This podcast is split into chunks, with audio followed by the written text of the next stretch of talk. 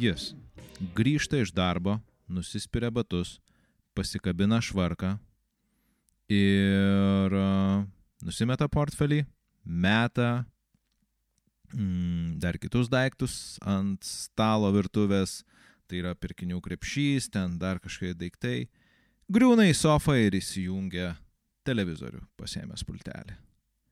Ji. Tau ir vėl niekas nerūpi. Tau rūpi tik tai tavo telikas ir tik tai tavo darbas. O kaip man dabar su tuo būti? Jis į ją pasižiūri, pakankamai piktai ir sako, aš čia uždirbu pinigus ir aš leidžiu tuos pinigus taip, kaip aš noriu.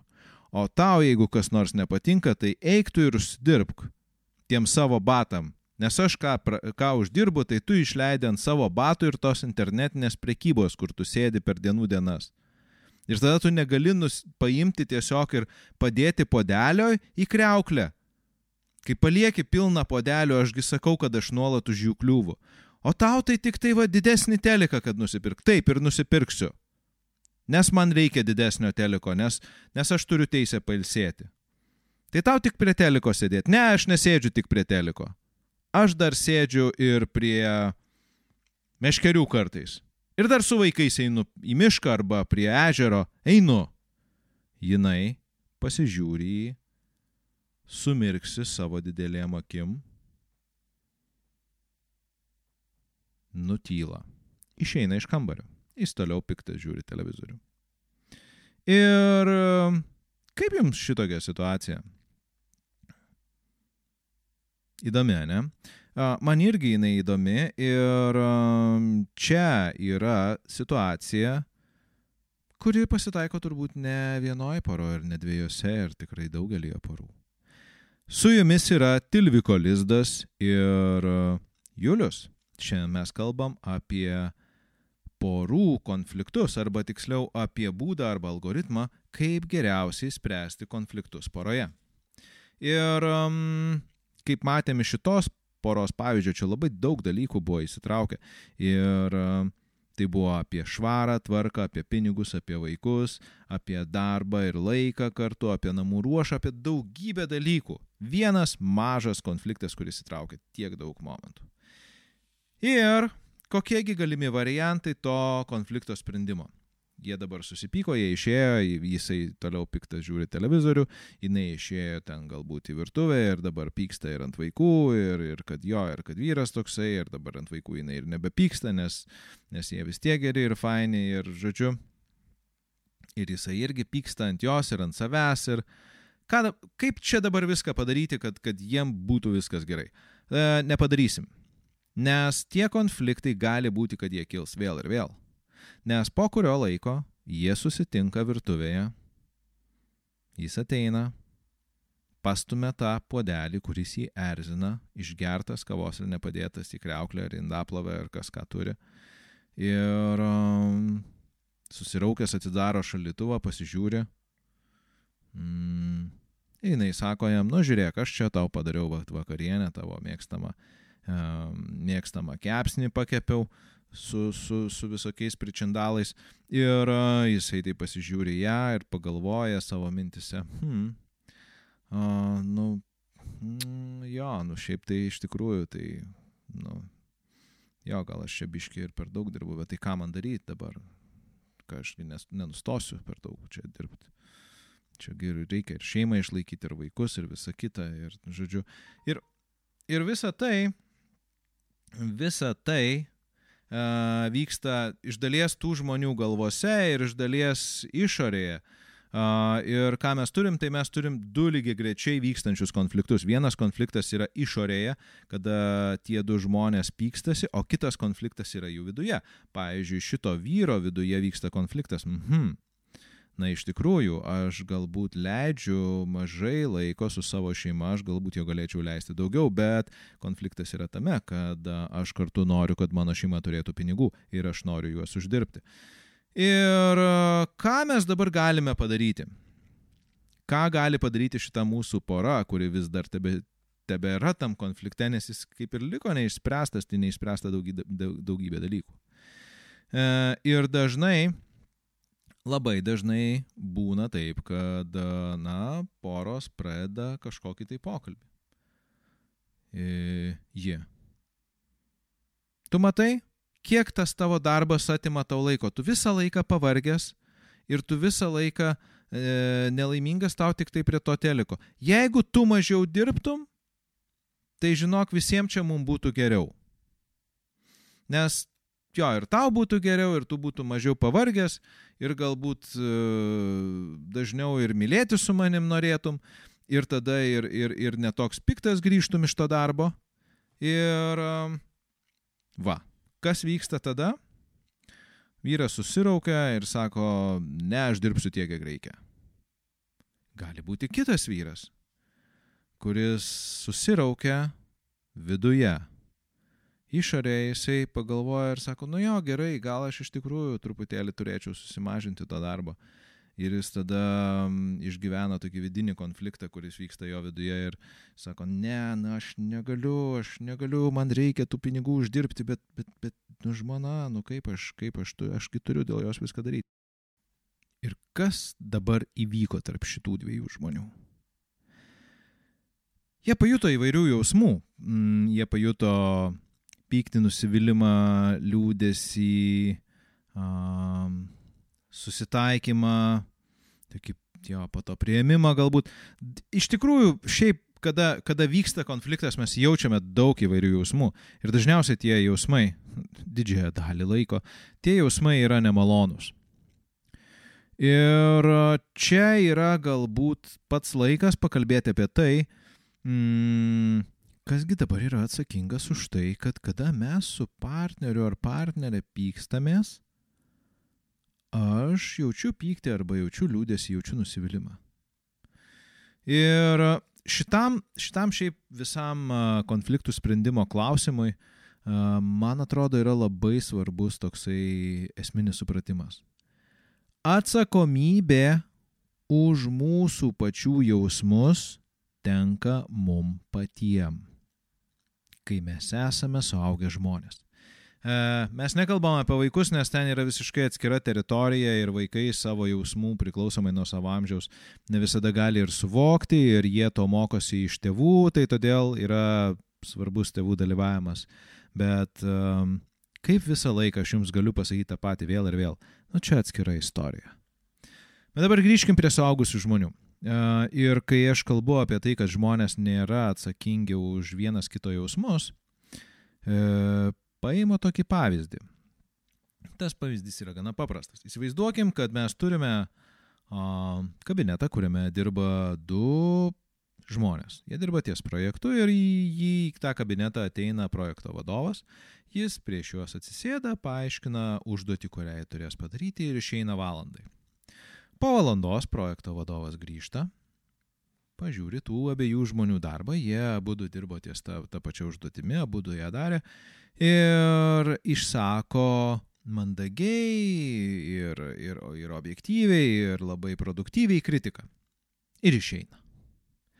Vienas tų žmonių nusimena ir supyksta, kitas žmogus apsidžiaugia ir uh, jaučia energijos padidėjimą kaipgi dabar gali tas vienas projekto vadovas būti atsakingas už dviejų žmonių skirtingus visiškai priešingus jausmus.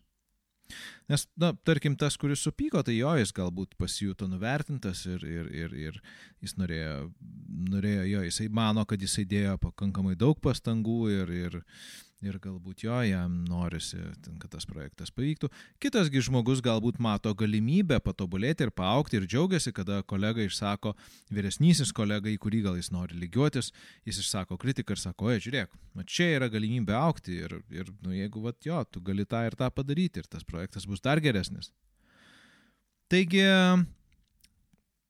mes negalime būti atsakingi už kitų žmonių jausmus. Ir aš nekalbu apie ekstremales situacijas, aš kalbu tiesiog apie situacijas, kuriuose mes normaliai operuojam. Šitos situacijos didžiąją daugumą atvejų būna ir mūsų santykiuose. Pažiūrėkim, vyras, vyras grįžo vėliau ir ką jaučia jo žmona? Jo žmona jaučia pyktį ir nusivylimą.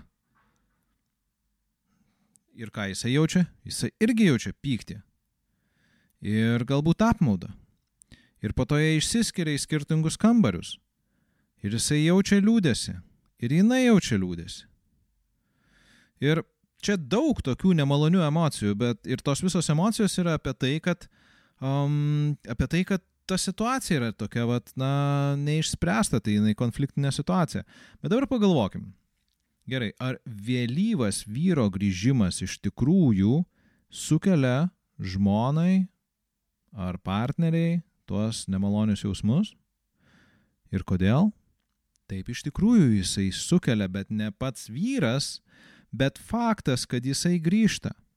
O dar tiksliau, tai ką jinai galvoja apie jo vėlyvą grįžimą. Nes jeigu jisai grįžo vėliau, jinai galvoja greičiausiai. Šitoj mūsų situacijoje mes galim rinktis, ką, kas nori, tas tą galvoja. Bet jinai galvoja, nu tas zaraza, aš jam visai nerūpiu. Aš jam nesvarbi, jisai tik tai apie savo darbą galvoja. Ir jeigu jinai pagalvotų kitaip, jeigu jinai pagalvotų, nu, iš tikrųjų, jisai tiek daug dirba, jisai tiek daug stengiasi, jisai, jisai eina į tą į darbą ir ten būna dėl to, kad mūsų šeimai būtų geriau. Kad, vad, man aš tuos galėčiau tuos batus nusipirkti, kuriuo aš ten noriu.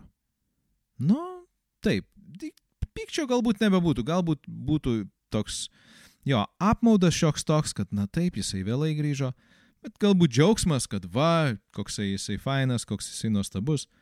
Ir tada vyrui irgi visai kiti jausmai sukyla, tada, tada ateina švelnumas, kad va, kaip jinai manim rūpinasi, kokia jinai, kokia jinai man svarbi, kaip aš čia noriu grįžti į tuos namus ir, ir, ir tada viskas tarsi pasisuka.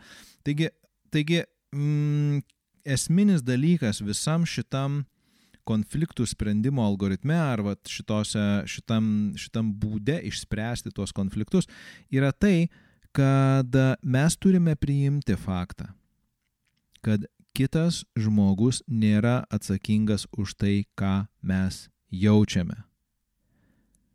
Mes esam patys, tai yra mūsų pačių interpretacijos, mūsų pačių kompleksai, mūsų pačių sąmoningi ir nesąmoningi, įsisamoninti ir neįsisamoninti įsitikinimai apie save, apie kitus žmonės ir apie pasaulį veikia tai, kad mes pradedam jausti jausmus. Ir, ar, ar, ir mes patys įsivaizduojam ir um, galbūt neįsivaizduojam, bet interpretuojam, kaip ta situacija konkreti koreliuoja su mūsų vertybėm arba koreliuoja priešingai. Tai todėl e, aš nebesikartosiu, bet todėl yra labai labai svarbu priimti tą dalyką, kad už šituos vat jausmus, kuriuos mes jaučiam per konfliktus, tas kitas žmogus nėra atsakingas. Jis gali būti a, kaip trigeris, kuris iššaukia tuos jausmus. Na, jis yra kaip, kaip žiedžirba, kuri uždega gaisrą, bet žiedžirba nėra atsakinga už tai, kad yra pripilta, pavyzdžiui, degaus kyščio. Ne, jinai tik tai yra, jinai tik tai sukuria tą pačią cheminę, nu, šiuo atveju cheminę reakciją, nes tai yra oksidacija, tai reiškia, kad taip. Tai žodžiu, tai žiežirba yra, ne, nėra atsakinga už tai, kad kilo gaisras. Gaisras kilo dėl to, kad, kad buvo, žodžiu, jo, ten kažkokios tai cheminės medžiagos, kaip degios arba kad buvo mm, įtampa, kuri teka laidais, nėra atsakinga už tai, kad kažkas, kažkoks koks elektrikas padarė blogai elektros instaliaciją ir dėl to kilo gaisras. Ne. Tai va, tai čia ir yra esmė, kad mes turime priimti, kad taip, mūsų jausmai yra daugiau tiesiog, va, kaip tas kompasas, kuris rodo, kas ir kur mus neša ir kokį mes turim santykį su tuo, kasgi čia darosi. Ok, taigi mes turim, e, mes turim konfliktą ir pirmąją situaciją ir pirmąjį klausimą, kurį šitie žmonės turėtų savo užsiduoti. Taigi, ar kas nors ką nors bando pakeisti? Ir jeigu, jeigu mes jeigu vyksta poroje konfliktas ir konfliktai yra neišvengiami porose, jeigu poroje kas nors bando ką nors pakeisti, tai tiesiog reikėtų sustoti ir nieko nedaryti. Nes nepasikeis niekas. Pirmu atveju tas vyras pasakys, ne, aš dirbsiu tiek, kiek reikia. Konfliktas neišsispręs. Antru atveju a, vyras pasako, gerai, aš pasikeisiu, bet konfliktas tebesitęsia, nes jis yra viduje šito žmogaus. Anu atveju konfliktas yra išorėje. Ne, tai tu turi pasikeisti. Tu turi leisti mažiau pinigų ir tada aš galėsiu mažiau dirbti. Bet dabar tu visus pinigus, kuriuos aš iš, uždirbu, išleidi. Ir nieks čia nebus, čia, čia, čia, čia taip negalima. Tu turi nustoti leisti. Aš nieko nekeisiu. Tu turi pasikeisti. E, taigi ne. Kodėl, kodėl nepasikeis? Nes šiaip žmonės nesikeičia. Nebent jie tai daro savo noru ir labai labai sąmoningai. Ir net jeigu jie tą daro savo noru ir labai labai sąmoningai, tai tada jie keičiasi labai iš lėto. Nes kasgi yra a, pokyčiai? Tai mūsų naujų įpročių ir mūsų naujų į, mikro įpročių susiformavimas ir, ir nauja pasaulyje žiūra. Ir tai yra daugybė dalykų, kurie iš tikrųjų turi pasikeisti tam, kad a, mes kaip žmonės pradėtume kažkaip keistis. Mes galim stengtis tą daryti, bet tai turi būti visų pirma mūsų vidinė motivacija kažką, tai, iš, kažką iš to spręsti. Ir net jeigu ir pasikeis, tai gali būti, kad tai pasikeis kurį laiką ir vėl grįž atgal į senas vežes, nes žinot, seni įpročiai, nu jie veikia. Įpročiai net turi nepaprastai stiprią galę ir, ir jėgą mūsų viduje. Ir aišku, hmm, čia yra gera tema apie įpročius ir mes tikrai apie juos kalbėsim.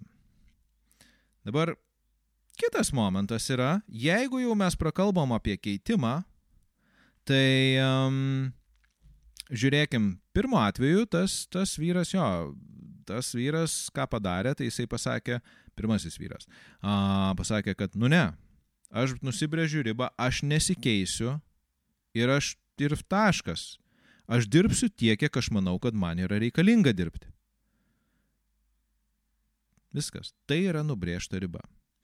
E, tuo tarpu, jeigu mes kalbam apie antrąjį vyrą, Ir aš dabar galvoju, kodėlgi aš kalbu apie, apie vyrišką poziciją. Gal dėl to, kad man yra lengviau tarsi susisieti su, su, su ta vyriška pozicija uh, ir, ir, ir, ir pamatyti tai iš, tokios, iš tų abiejų uh, vyriškos pozicijos pusių, nes, nu, jo, tokia, tokia tiesiog kasdienybė, aš esu vyras, tai man lengviau. Uh, taigi, antrojo atveju tas antrasis vyras, kuris sako, nu jo, gerai, aš pasikeisiu. Um, nes jo galvoje sukasi, nu gerai, jeigu aš nedarysiu taip, kaip jinai nori, tai gal jinai manęs nemylės. Ką tai reiškia? Jeigu jinai manęs nemylės, tai reiškia, kad, nu, aš kažkoks blogas, aš nevertingas, aš, aš negaliu, aš nenusipelnau būti mylimas, jeigu aš nedarau to, ko nori kiti žmonės. Ir brangiai mano šitas vyras yra ko priklausomas.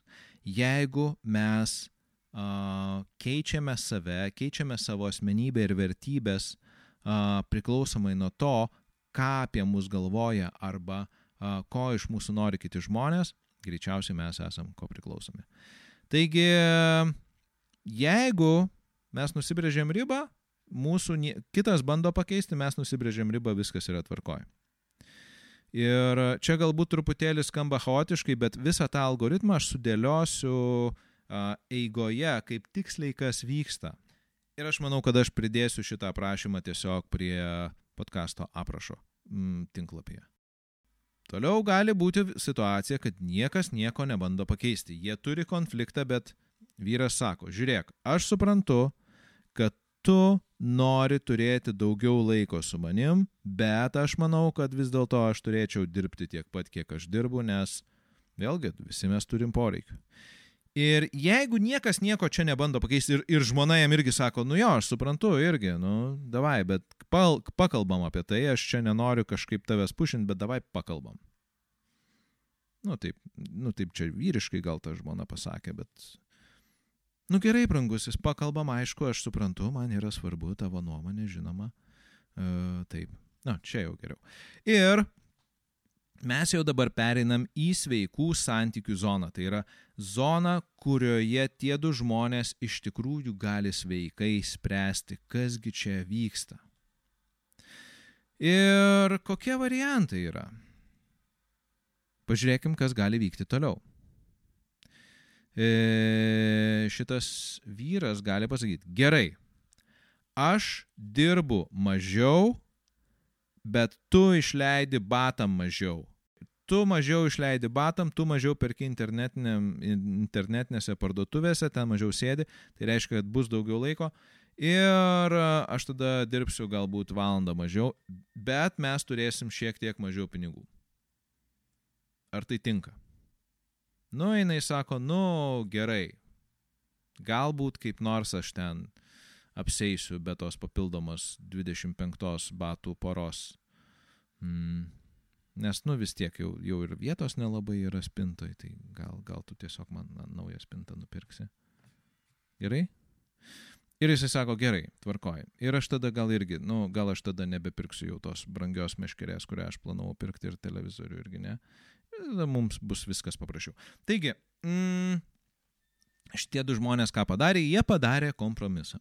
E, kompromisas tai iš esmės yra, jo, mes nusileidžia vienas žmogus arba kitas žmogus, arba jie abu nusileidžia ir jie sutarė, kad gerai, žiūrėk, darom kažkokį tai sandorį į vieną ar į kitą pusę. Ir paž... kartais gali būti, kad kompromisai nebūtinai turi būti na, abiejų, abiejų žmonių, um, abiejų žmonių sąskaita. Pavyzdžiui, šitas vyras gali pasakyti, uh, gerai, aš mažiau dirbsiu. Tiesiog, tu, aš tave myliu taip stipriai, kad man yra labai svarbi tavo nuomonė, aš suprantu, kad tau tai yra reikšminga, aš tą darau tik tai dėl to, kiek stipriai tu man esi reikšminga. Ne dėl to, kad jeigu aš to nedarysiu, tu manęs nemylėsi, nes aš suprantu, kad net jeigu aš dirbčiau ir valandą ilgiau, tu mane vis tiek mylėsi, bet aš tai myliu tiek, kad jo, padarau tokį kompromisą. Ir tai gali būti visiškai vienpusis kompromisas.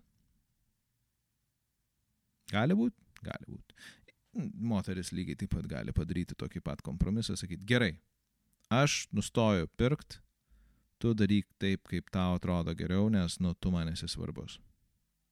Prasme, tu dirb, jeigu tu jauti, kad tu nori dirbti tiek, tai jo. Ir uh, gali būti, kad šitas konfliktas yra išspręstas, gali būti, kad jis vėl iškils, nes, nu, jis turi daug atspalvių ir, ir, ir, ir kartais būna kažkokie tai kažkokios situacijos, kurios išprovokuoja konfliktus dėl to, kad mes esam pavargę, kad mums yra ten per sunku ir mes tada tai, ką mes susiprojektuojam savo darbe, psichologiškai susiprojektuojam, mes pykstam ant viršininko, grįžtam namo ir išsiliejam ant, ant savo e, šeimos. Dėl to, kad, nu, pat taip gavosi.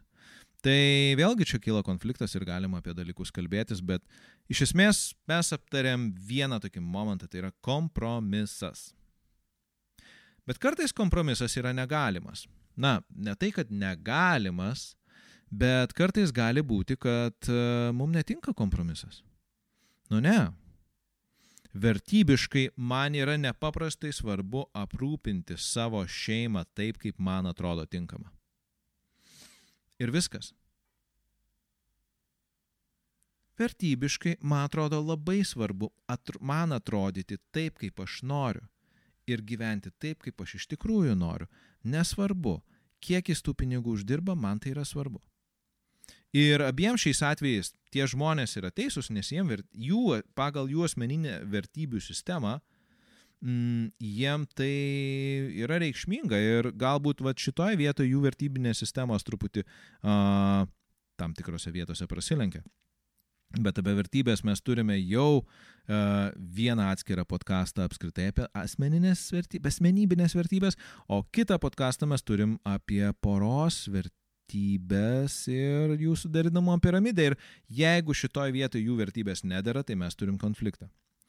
Ir tada šitie du žmonės galėtų savęs paklausti. Kiekvienas savęs paties arba jie abu ir sakyti, Gerai, žiūrėk, tai ar mes galim toliau gyventi su tokiu, vat, nu, vis dar pasipykdami kartas nuo karto? Ar man tinka, kad, na, taip, kai mane galutinai užknis, kad jisai grįžta namo vėlai, kad aš vėl išsiliesiu ant jo, ar man tinka taip? Jis gali vyras pagalvoti, hm, ar, man, ar man tinka, kad, kad, vat jo, jinai ir toliau leis pinigus tiem batam ir ten, nežinau, kažkam tai dar, kam aš net pats nesuprantu, kas tai yra. Nu, man tinka. Aš suprantu, kad aš negaliu jos pakeisti, aš suprantu, kad aš nenoriu keistis pats. Ir aš suprantu, kad aš nesileisiu į kompromisus, bet jeigu mes dėl to pasipyksim, nu tai pasipykstam. Ir kas bus? Mm, pyktis šiaip nėra blogai. Mm, ta prasme, kad pats pyktis tai rodo tiesiog jausmą į nu, mūsų reakciją, kad jo, kažkas vyksta ne taip, kaip mums atrodo teisinga. Ir kartais yra ok pasipykti, na, nes mes tiesiog, mes, mums mum visos kitos vertybės, kurios yra aplink mus, jos sutampa. Čia va šiek tiek prasilenkia ir mes priimam tai, kad mūsų partneris yra kitoks, mes nesutarsim dėl kažkokių dalykų, bet mums tinka būti kartu. Ir e, jeigu mes uždavėm savo klausimą, ar mes galėsime gyventi nuolatinėme konflikte dėl būtent šitų dalykų, tai mes galim toliau gyventi. Ir priimti, kad taip tas konfliktas liks neišspręstas labai labai labai ilgą laiką iki tol, kol vienas iš mūsų iškeliaus anapilin ir mums tai irgi tinka. Bet kas bus, jeigu aš negaliu pakelti to konflikto? Jeigu man ta situacija tiek skauda ir tiek yra svarbi ir tiek užknisa, kad nu aš tiesiog negaliu būti. O kas bus, jeigu tas podelis, kurį aš padedu, tai yra apie mano asmenybę? Tai aš pasidedu podelį ten, kur noriu ir jeigu aš noriu jo neplauti, tai jis tegu ten ir būna. Brangieji mano, tai tokiu atveju jeigu jūs nepriimsit kompromiso ir jeigu jums netinka konfliktas, jeigu netinka, kad, mm, kad jūs pyksitės nuolat dėl to padelio, mm, jūsų santykiai pasibaigs. Ir čia yra apie tą podelį, tai tikra istorija, kurią aš skaičiau kažkur tai interneto platybėse, kad žmonės išsiskyrė dėl to, kad vienas iš partnerių, neatsimenu tik tai kuris, uh, nuolat dėdavo puodelį ant stalviršio, išgeręs kavą ir neįdėdavo jo į indaplovę. Tai truko 20 metų, tas, tas nuolatinis poros merdėjimas ir tas konfliktas yra aišku, jisai tai nėra tik tai apie puodelį.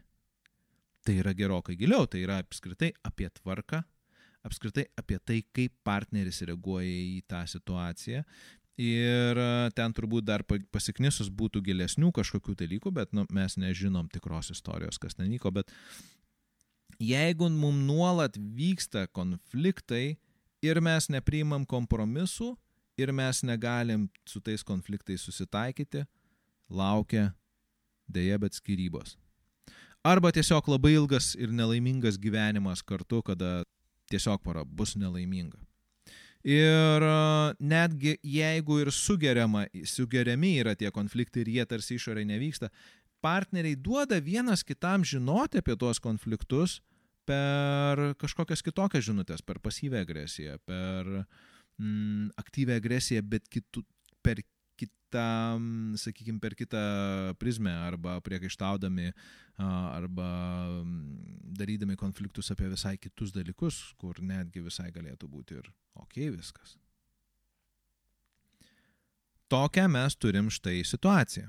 Tokias turim situaciją, kaip čia tie konfliktai e, vyksta ir vystosi ir dabar aš noriu perbėgti ir nu, tiesiog papasakoti, kaipgi čia viskas yra iš eilės. Tai yra tą patį konfliktų sprendimo algoritmą sudėlioti jau tiksliai gražiai į lentynėlės.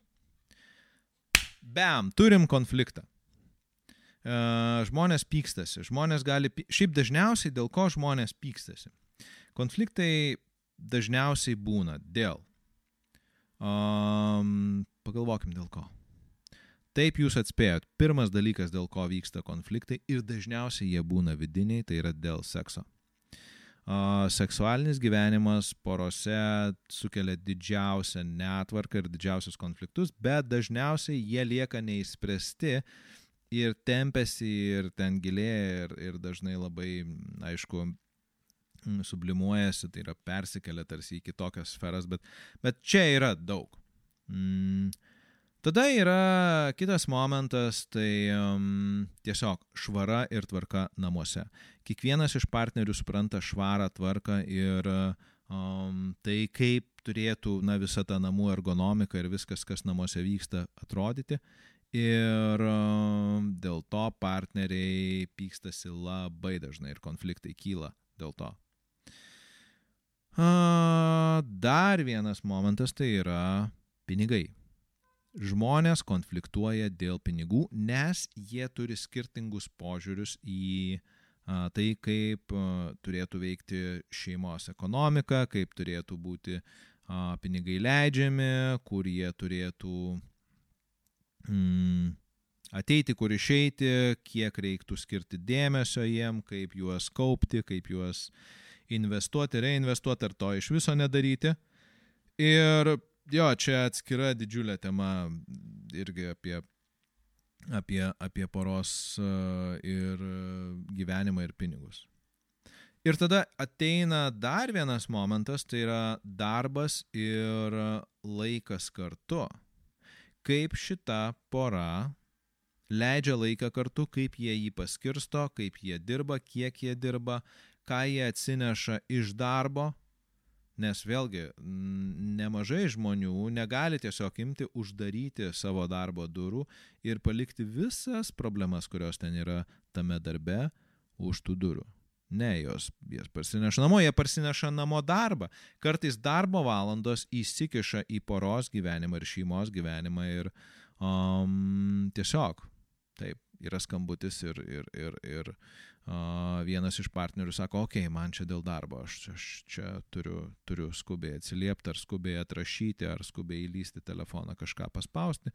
Kai tuo tarpu dega žvakės, padėtas nuostabus maistas, atidarytas vynas ir viskas labai romantiška ir dabar pijau telefonas. Ir atleisk, atleisk, bet aš turiu pusvalandį ten skirtam darbui. Nieko negaliu padaryti. A, tada, tada yra tada yra aišku vienas iš esminių dalykų, dėl ko partneriai nesutarė, tai yra vaikai ir jų auklėjimas, ir jų ugdymas.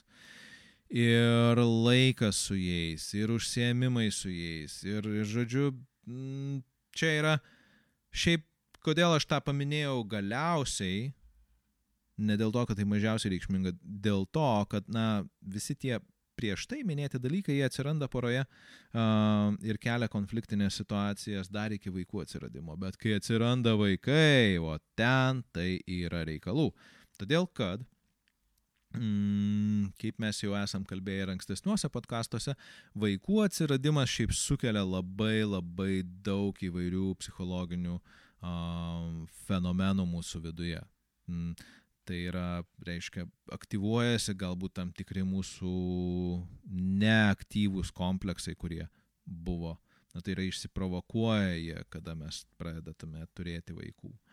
Ir arba, arba vaikam ateina tam tikras amžius. Tada kitas dalykas, kas pasidaro, tai aišku, kad vaikai reikalauja nepaprastai daug laiko, nepaprastai daug resursų, yra net jeigu mes ten ir esam super, super kokie nors įsisprendę savo ten vaikystės visus reikalus ir, ir e, labai nušvitę, mes vis tiek nerimaujame dėl jų, nes nu, yra dalykų, kurių mes tiesiog neturime dar iki šiol patirties, jeigu tai yra pirmas vaikas, jeigu tai yra uh, daugiau vaikų šeimoje, tai galbūt, viska, galbūt yra ten dėl pirmo tada jau viskas praeita ir tada antras vaikas mes į tai kitaip reaguojam. Bet iš esmės, bet kokiu atveju tai yra net jeigu mes ir esam ten, sakau, nušvitę, um, mums kyla nerimai dėl visokių situacijų, dėl paties vaiko, dėl mūsų, dėl mūsų santykio su vaiku, dėl mūsų partnerio santykio su vaiku, dėl mūsų partne, e, santykio su partneriu, kada yra vaikas. Žodžiu, ir, ir visa tai, ką aš anksčiau išvardinau, tai yra darbas, laikas kartu, pinigai, švara ir tvarka, namų ruoša, žodžiu, visi šitie sluoksniai, jie tarsi, jeigu mes turėjom, tarkime, šiaip konfliktą, kurio daugiklis buvo vienas, tai dabar turim konfliktus, kurių daugiklis yra dešimt. nes viskas pasikeičia iš esmės. Tai va tai todėl, todėl vaikų atsiradimas iš tikrųjų sukelia daugybę konfliktų ir dalis iš jų yra iš tikrųjų vidiniai. Tai dabar čia, žodžiu, mes pakalbėjome apskritai apie tai, kas kelia tuos konfliktus ir aš pabandysiu sudėlioti, kokiagi tai yra mm, konfliktų sprendimo, koksgi yra tas konfliktų sprendimo algoritmas. Taipgi mes turim konfliktą, Ir tada pirmas dalykas, ką mes turėtume savęs paklausti, tai ar kas nors bando ką nors pakeisti. Nes jeigu mes bandome pakeisti kitą, jeigu aš bandau pakeisti savo uh, partnerę, tai aš turiu sustoti tą daręs ir suprasti, kad niekas nepasikeis. Tiesiog Jeigu, jeigu man netinka taip, kaip jinai daro ir aš noriu, kad jinai pasikeistų kaip žmogus, viskas, aš turiu sustoti. Nes nesikeis. Mes galim apie tai kalbėtis, bet tai yra jo sprendimas keistis arba ne ir aš neturiu jos įkalbinėti pasikeisti. Ok. A, tada jeigu aš suprantu, kad jo, čia kažkas netaip su manim yra ir turbūt, kad jo, čia man reikia keistis dėl to, kad man čia priekaištauja, Tai e, nors aš viduje suprantu, kad nu čia man vertybiškai tai netinka, tai aš turiu nusibriežti ribą ir jos laikytis. Tiesiog. Pasakyti, okei, okay, ne, viskas, aš, aš, aš, aš nesikeisiu dėl to, kad to nori kitas žmogus. Taškas. Ir aišku, ar tai yra lengva? Ne, tai nėra lengva nusibriežti. Jeigu iki šiol nenusibrėžinėjom savo ribų, E, tai, tai nėra lengva, bet tai yra įmanoma. Jeigu jūs jaučiat, kad, kad jūsų nemylės dėl to, kad jūs nepasikeisit, tai brangiai greičiausiai jūs susidurėt su menka savivertė savo ir ko priklausomybė. Ir, nu, tai yra klausimas, šiaip klausimai, kuriuos galima išsispręsti ir spręsti juos reikėtų savo individualioje psichoterapijoje. Ir mes leidžiamės į sveikų santykių zoną. Gera zona. Man jinai patinka ir pirmas klausimas šitame, šitame pačiame, šitoje zonoje yra toksai, ar aš galiu leistis į kompromisą. Nes jeigu mes leidžiamės į kompromisą, tai iš esmės, ką mes padarome, mes nekeičiam savęs, mes nekeičiam partnerio, mes tiesiog sutarėm, kad na, mes kažkokius, taip, kažkokias nuolaidas padarom. Ir jeigu vyksta kažkokie pokyčiai mūsų viduje, tai jie yra tik tai todėl, kad mes patys apsisprendėme taip daryti, nes mums patiems atrodo tai reikšminga. Supratot? Aš tikiuosi, kad taip. Ir um, vėlgi kompromisas gali būti, kompromisas gali būti visiškai, visiškai į vienus vartus, gali būti į abiejus arba į kitus vartus irgi. Taip, taip, taip gali būti. Ir jeigu, jeigu jūs radot kompromisą, tai viskas bus gerai, nu, tiesiog jūs esate laimingi kartu, viskas yra tvarkoje, tas santykis veikia, viskas fainai. Um, taip, kažkurioje vietoje jūs nusileidot, kitoje vietoje galbūt partneris nusileis jums ir viskas bus ok. Bet dabar gerai, jeigu aš nenoriu veltis į kompromisą ir veltis, okei, okay, čia skamba kaip samokslas, bet jeigu aš nenoriu uh, patekti į kompromisą, jeigu aš nenoriu, man netinka tas kelias. Um, aš turiu savo ribas ir aš noriu jų laikytis ir aš uh, nematau poreikio kažką tai keisti. Nes vertybiškai man tiesiog atrodo, kad taip yra teisinga. Tokiu atveju mm, jums grėsia neišspręstas konfliktas. Ir tada kitas klausimas, kurį jūs turėtumėt savo užduoti, tai būtų, ar aš galėsiu gyventi nuolatinėme konflikte. Ir um, tas konfliktas, kiekvieną kartą, kada iškils tas pats klausimas, jisai, jo, tas konfliktas iškils. Ir su tuo reikia tiesiog susitaikyti, kad tai bus.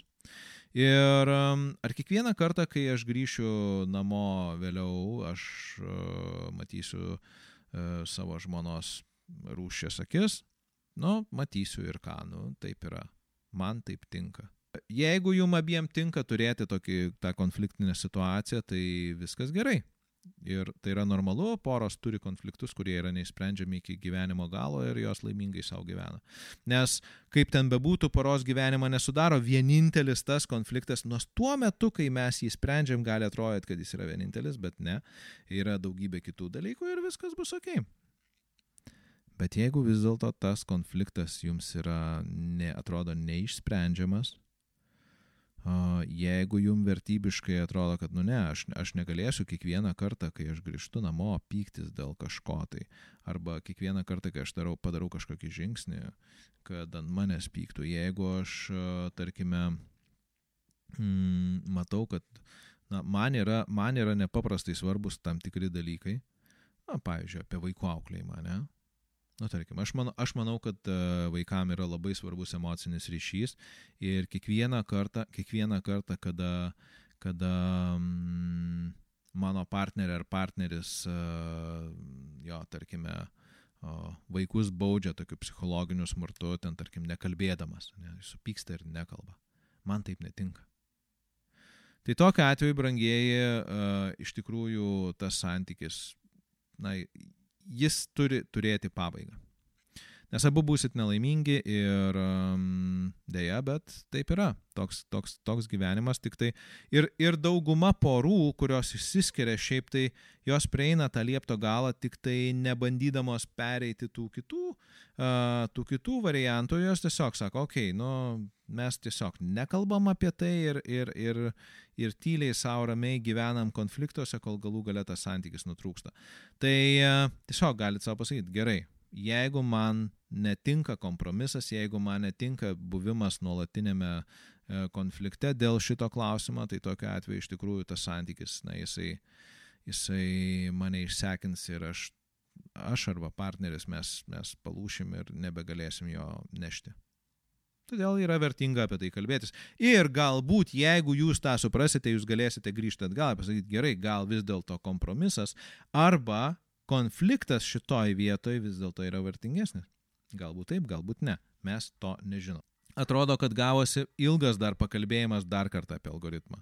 Ir aš tą dar kartą pabandysiu sutrumpinti jį iki minimumo.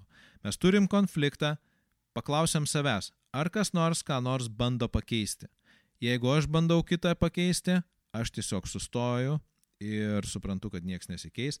Jeigu kitas žmogus bando mane pakeisti, tai aš tada brėžiu ribą ir jos laikausi. Ir sakau, ne, brangusis arba brangioji, tu manęs kaip asmenybės nekeisi. Jeigu nei vienas iš mūsų nieko nenorim pakeisti, mes tada klausiam savęs, ar aš galiu leistis į kompromisą dėl šito klausimo. Ir jeigu mes priimam kompromisą, tai ok, mes su tuo priimam tą žaidimo taisyklės ir su tuo kompromisu gyvenam. Jeigu vis dėlto kompromisas mums netinka, tada reikia atsakyti savo į klausimą, ar aš galėsiu dėl šito, šitos konfliktinės situacijos, ar aš galėsiu joje nuolat gyventi, nuolat pyktis dėl to galbūt e, neišplauto ant stalviršio palikto podelio, ar dėl to emocinio smurto, kuriuo smurtauja mano sutoktinis prieš vaikus. Galėsiu, ok, man tai tinka, viskas gerai. Jeigu ne, tuomet uh, reikia suprasti, kad iš tikrųjų tie santykiai yra anksčiau ar vėliau pasmerkti žlugti ir priimti sprendimą mm, juos arba iš esmės taisyti, arba tiesiog išsivaikščioti į šonus ir, ir, ir, ir turbūt rasti žmonės, su kuriais, su kuriais tos situacijos kels mažiau konfliktų. Dabar mes keliaujam į dar vieną papildomą temą, tačiau jinai labai siejasi su uh, konfliktais ir jų sprendimu. Ir mes pakalbėsim apie tas asmeninės ribas ar asmenybės ribas, kurias konflikto atvejais mes arba, arba kiti žmonės bando peržengti. Ir įsivaizduokit, kad mes turime, mes turime gaublį, kuriame yra sužymėtos teritorijos arba žemės. Ir jeigu, tarkime, mes poroje turime du žmonės, mm, jie neturi vaikų, jie tiesiog yra dviese, tai yra, mes turim dviejų spalvų žemės, kurios ten yra ant to gaublio. Taigi, kas, kas, kas dabar, čia, ir čia yra kiekvieno to žmonių um, ribos. Arba ant žemėlapio, imkim paprasčiau žemėlapį, tarkim. Tai gerai, tai kas tos asmenybės ribos yra? Tai iš esmės asmenybės ribos tai yra savęs su savo asmeninėmis vertybėmis, su savo asmeninėmis nuostatomis, su požiūriais, su patirtimis, suvokimas, prieimimas ir svarbiausia - pasipriešinimas, kai jos yra pažydžiamos. Ir apie ką yra tas, apie ką yra tas pasipriešinimas. Nes įdomus dalykas, kad mes savo asmenybės ribas būtent ir suvokiam tada, kada jos yra peržengiamas. Tol, kol jos neperžengiamas, mes jų ne, ne iki galo suprantam. Ir įdomus dalykas, kad apie jas kalbėti yra sudėtingiau negu kad jas pajausti. Nes jeigu mes tik tai pradedame jausti kažkokias tai, mm, tarkim, kai, vyksta kažkoks konfliktas arba vidinis, arba, arba, arba realus išorinis, mes iš karto pradedam jausti kažkokius jausmus. Mhm, nes konfliktai sukelia mums nemalonius jausmus vienokius ar kitokius. Ir jeigu tie konfliktai sukelia mums tuos nemalonius jausmus, mes juos galime, na, galime suprasti apie, kad va, ta asmenybės mūsų riba kažkurioje vietoje jinai yra peržengta. Jeigu nėra poroje vaikų, tai asmenybės ribos yra ten, kur abiem partneriam jas priimtina nusibriežti. Ir pageidautina, kur yra abipusiai susitariama, kur tos ribos turėtų būti.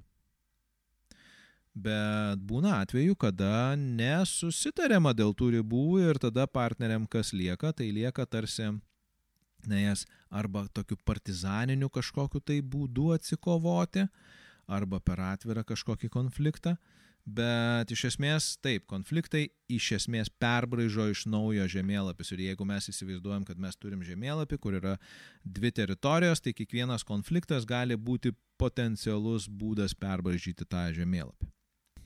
Žiūrėkit, jeigu mes, e, mūsų ribos yra pažydžiamos, mes galime, turime tokį mm, mm, tarsi polarizaciją, kaip galima reaguoti.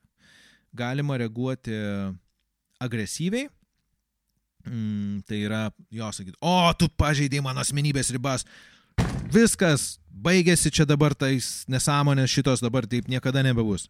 Arba galima sakyti, nu gerai, jo, nu, aš dabar stengsiuosi daryti kitaip ir aš viską darysiu taip, kaip tu nori. Jo. E, tai vienas polius yra agresyvumas, kitas polius yra e, nuolaidumas arba toks submisyvumas. Bet yra dar ir aukso vidurys kažkur per vidurį.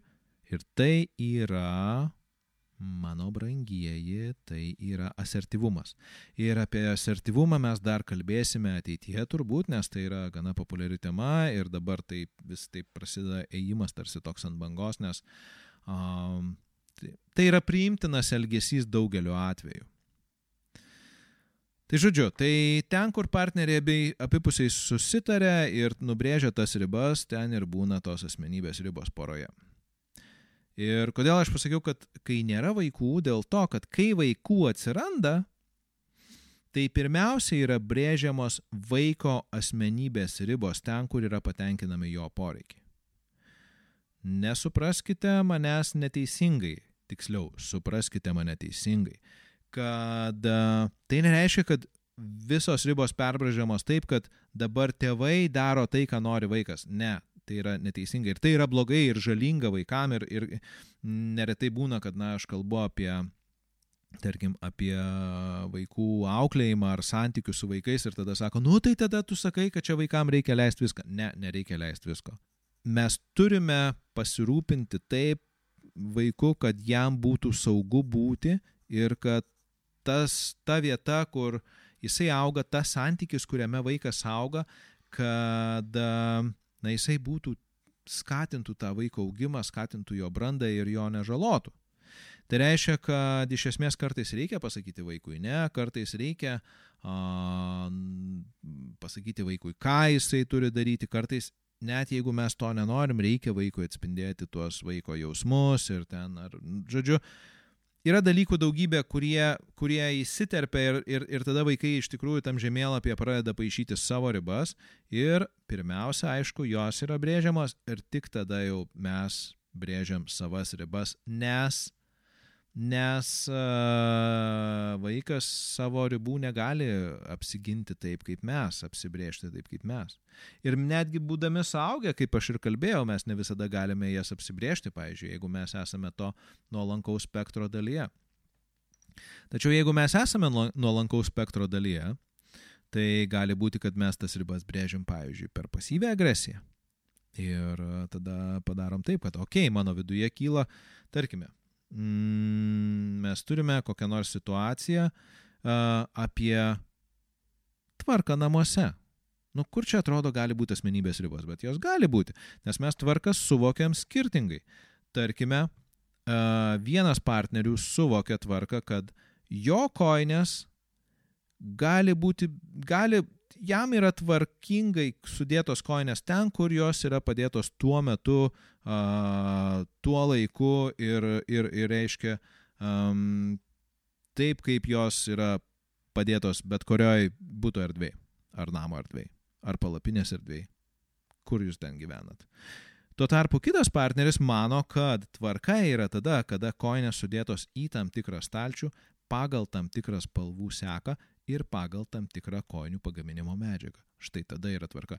Ir čia yra skirtingas suvokimas, kaip turi veikti pasaulis ir aišku, jeigu staiga į tą uh, erdvę, kur, kur tarkime jo, koinės turi tik tai vieną mažą vietelę uh, visam didžiuliam name ir uh, kai koinės turi didžiulę erdvę užima bet kur uh, tame mažame bute, uh, yra, nu, tai yra skirtingas suvokimas, ne? Ir, ir, ir tada tie partneriai sako, nu, palauk, žiūrėk, bet man netinka taip, kaip tu darai, man netinka tavo suvokimas apie koinės ir mes galim čia kažką tai galbūt padaryti. Nu, sakom, okei, okay, galima. Ir tada tie partneriai turi konfliktą ir jie sprendžia jį, arba, arba kaip mes sakėm, jie pykstasi nuolat dėl tų koinių, arba jau nebesipyksta. Na, žodžiu, Bet čia yra tik tai paprastas pavyzdys, kur tos asmenybės ribos jos nusibrėžia tarsi, nes, nu, aš turiu suvokimą tokį apie pasaulį, o tu turi su, tokį suvokimą apie pasaulį. Ir aišku, kartais tie konfliktai lieka neįspręsti ir jie lieka viduje, nu, pavyzdžiui, kaip mes kalbėjome apie seksą, vienas partneris nori to, kitas partneris nori kito. Ir tada tas vienas partneris, kuris uh, sako, žiūrėk, aš noriu šitaip, Ir kitas partneris sako, nu, nu, tarsi negali, ar neturi noro pasipriešinti, arba negali, arba nemoka pasakyti, kad, e, žiūrėk, nu man tai iš tikrųjų tai nepatinka. Ir tada įvyksta tai, ko partneris nenori. Ir kas po to darosi, tai yra tas konfliktas internalizuojasi ir aišku, tada mes visiškai per kitą kažkokį tai aplinkinį kelią mes gauname vis vieną tą neišspręstą konfliktą, nes po to žiūrėk ir vakarienė jau nebe tokia skani ir po to ten kažkoks tai emocinis šaltumas atsiranda ir panašiai. Tai um, vėlgi čia yra nubrėžtos asmenybės ribos, tik tai, kad jos persibraižo viduje žmogaus. Tai yra tas, na, tarsi uh, žmogus sako, gerai, jo, aš čia leidau peržengti tau tas ribas, bet aš dabar tai noriu biškiai atsiimti atgal iš per kažkokią kitą vietą. Žodžiu, kaip aš sakiau, apie asmenybės ribas ir apie asmenybės ribas yra lengviau jausti negu kalbėti. Ir galim dar pagalvoti apie tai, kad jeigu mums kyla nemalonus jausmai, tai greičiausiai tos mūsų asmenybės ribos yra peržengiamos ir asmenybės ribos braižomos mūsų pagal tai, kokios mūsų yra vidinės vertybės, o, o reiškia apie tas asmenybinės vertybės mes jau kalbėjom prieš tai epizode. Ir jeigu tie jausmai kyla apie kitą žmogų, tai mes turbūt, kad tas ribas esame linkę labiau išplėsti ir nusibriežti ten, kur mes norime. Jeigu jausmai kyla labiau apie save ir į save orientuoti, tai tada mes esam turbūt linkę labiau nuolankiai priimti tai, kas vyksta su mumis poroje ir Ir jo, ir perbražyti tas asmenybės ribas galbūt uh, savo, savo sąskaitą. Bet bet kokiu atveju, kada vyksta konfliktai, asmenybės ribos yra perbraižamos. Taip jau yra. Ir uh, grįžtant atgal prie konfliktų sprendimo algoritmo to ar tos bendros taisyklės, reikėtų pažymėti tai, kad ne visada iš tikrųjų tas ribas mums reikia perbražyti ir tikrai reikia labai aiškiai suprasti ir suvokti, kur tos mūsų asmenybės ribos yra. Ir tai gali padėti mūsų suvokimas apie savo asmeninės asmenybinės vertybės. Matot, kaip viskas gražiai susideda į vieną tokį, nežinau, kažkokį tai kaip Lego konstruktorius, sluoksnius tarpusavyje susikonstruojančius. Iš esmės, kaip sakiau, apie ribas yra lengviau, jas yra lengviau jausti, negu, negu kad iš tikrųjų uh, apie jas kalbėti, bet jeigu jums atrodo, kad tai yra svarbu ir reikšminga, tai galima bus ir pasiplėsti daugiau e, tą temą. Taigi apibendrinant, apibendrinant, mes šiandien pakalbėjom apie konfliktų sprendimo tokį, na, kaip algoritmą, e, kuris iš tikrųjų gali būti taikomas ne tik tai santykiuose su uh, romantiniu partneriu, bet, pavyzdžiui, ir su draugais, ar netgi su uh, kitais žmonėmis. Nes vėlgi čia įsipainioja mūsų vertybės, ar mes ar, me, ar tai atitinka pagal mūsų vertybės ar ne, ir tada ką mes čia darom, ar tai yra kompromisas į vieną pusę ar į kitą, arba galbūt mes linkę esam gyventi su konfliktu su tuo žmogum ir mums tai tinka. Uh, ir kitas dalykas, tai mes pakalbėjom, kad e, yra mūsų asmenybės ribos, jos poroje yra kaip žemėlapė, mes jas braižom į vieną ar į kitą pusę. Ir kad kai jas peržengia, kiti žmonės mes jaučiam nemalonius jausmus ir tie jausmai gali būti nukreipti į išorę, tai reiškia, kad mums atrodo, kad tas ribas neteisingai peržengia kiti žmonės ir um, jeigu tie jausmai nukreipti į vidų, tai mums atrodo, kad su mūsų ribomis yra kažkas netvarkoja ir tie kiti žmonės galbūt iš tikrųjų jas peržengia, bet vis dėlto jo čia mūsų yra kaltė, kad mes tas ribas turim tokias. Taip gali būti. Ir dabar, brangiai, kas mūsų laukia ateityje? Ateityje laukia temos, kurias jūs galbūt patys parašysite komentaruose ar, ar kažkaip man asmeniškai pasakysite, apie ką norėtumėt, kad aš um, pakalbėčiau. Ir uh, aš pagalvosiu, ar aš turiu kompetencijos ir noro kalbėti apie tai. Nes vėlgi yra turbūt dalykų, kurių aš na, gal ne iki galo suprantu, nežinau ir, ir hm, tada kaip ir labai, labai, labai mažai kas ten gali vykti. Tada e, toliau santykiuose, žmonių santykiuose, tai mes kalbėsime, mūsų laukia toliau a, skirybos ir porų terapija. Kasgi vyksta porų terapijoje ir, ir, ir, ir, ir kaip, kaip ta porų terapija veikia ir kas neveikia ir, žodžiu, tokie dalykai. Tai čia greičiausiai bus e, sekančio epizodo temos. Uh, Ir galiausiai, aišku, tai yra, na, mm, dar vienas turbūt epizodas bus, uh, bet uh, nesu tikras, galbūt mes sutilpsim ir kitam epizodė, tiesiog jisai bus ilgėlesnis, apie kokybiškus ir praturtinančius partnerius, porų santykius ir kas tai gali būti ir, ir kaip tai gali atrodyti. Tai šiandien tiek atsisveikinu su jumis, aš linkiu jums mm, geresnio konfliktų sprendimo, suvokti, kur jūsų yra asmenybės ribos, e, braižyti savo žemėlapius tiek susėdus kartu su partneriu, tiek jum patiem. Ir neperkaisti šitoje vasariškoje kaitroje, kuri čia visur aplink mus dabar yra. Ačiū, kad buvot. Ir dabar yra oficialus ačiū visiems Patreon rėmėjam. Taip, jums ačiū labai Patreon rėmėjai, kad jūs esate. Jūs šitą epizodą išgirsite tada, kada jisai tik tai bus paraštas iš karto ir įkeltas, o visiems kitiems jisai bus prieinamas ketvirtadienį. Ir um, taip, dabar jau tikrai viskas atsisveikinu su jumis ir sakau viso gero, nesipykit, spręskit konfliktus sėkmingai. Bye bye.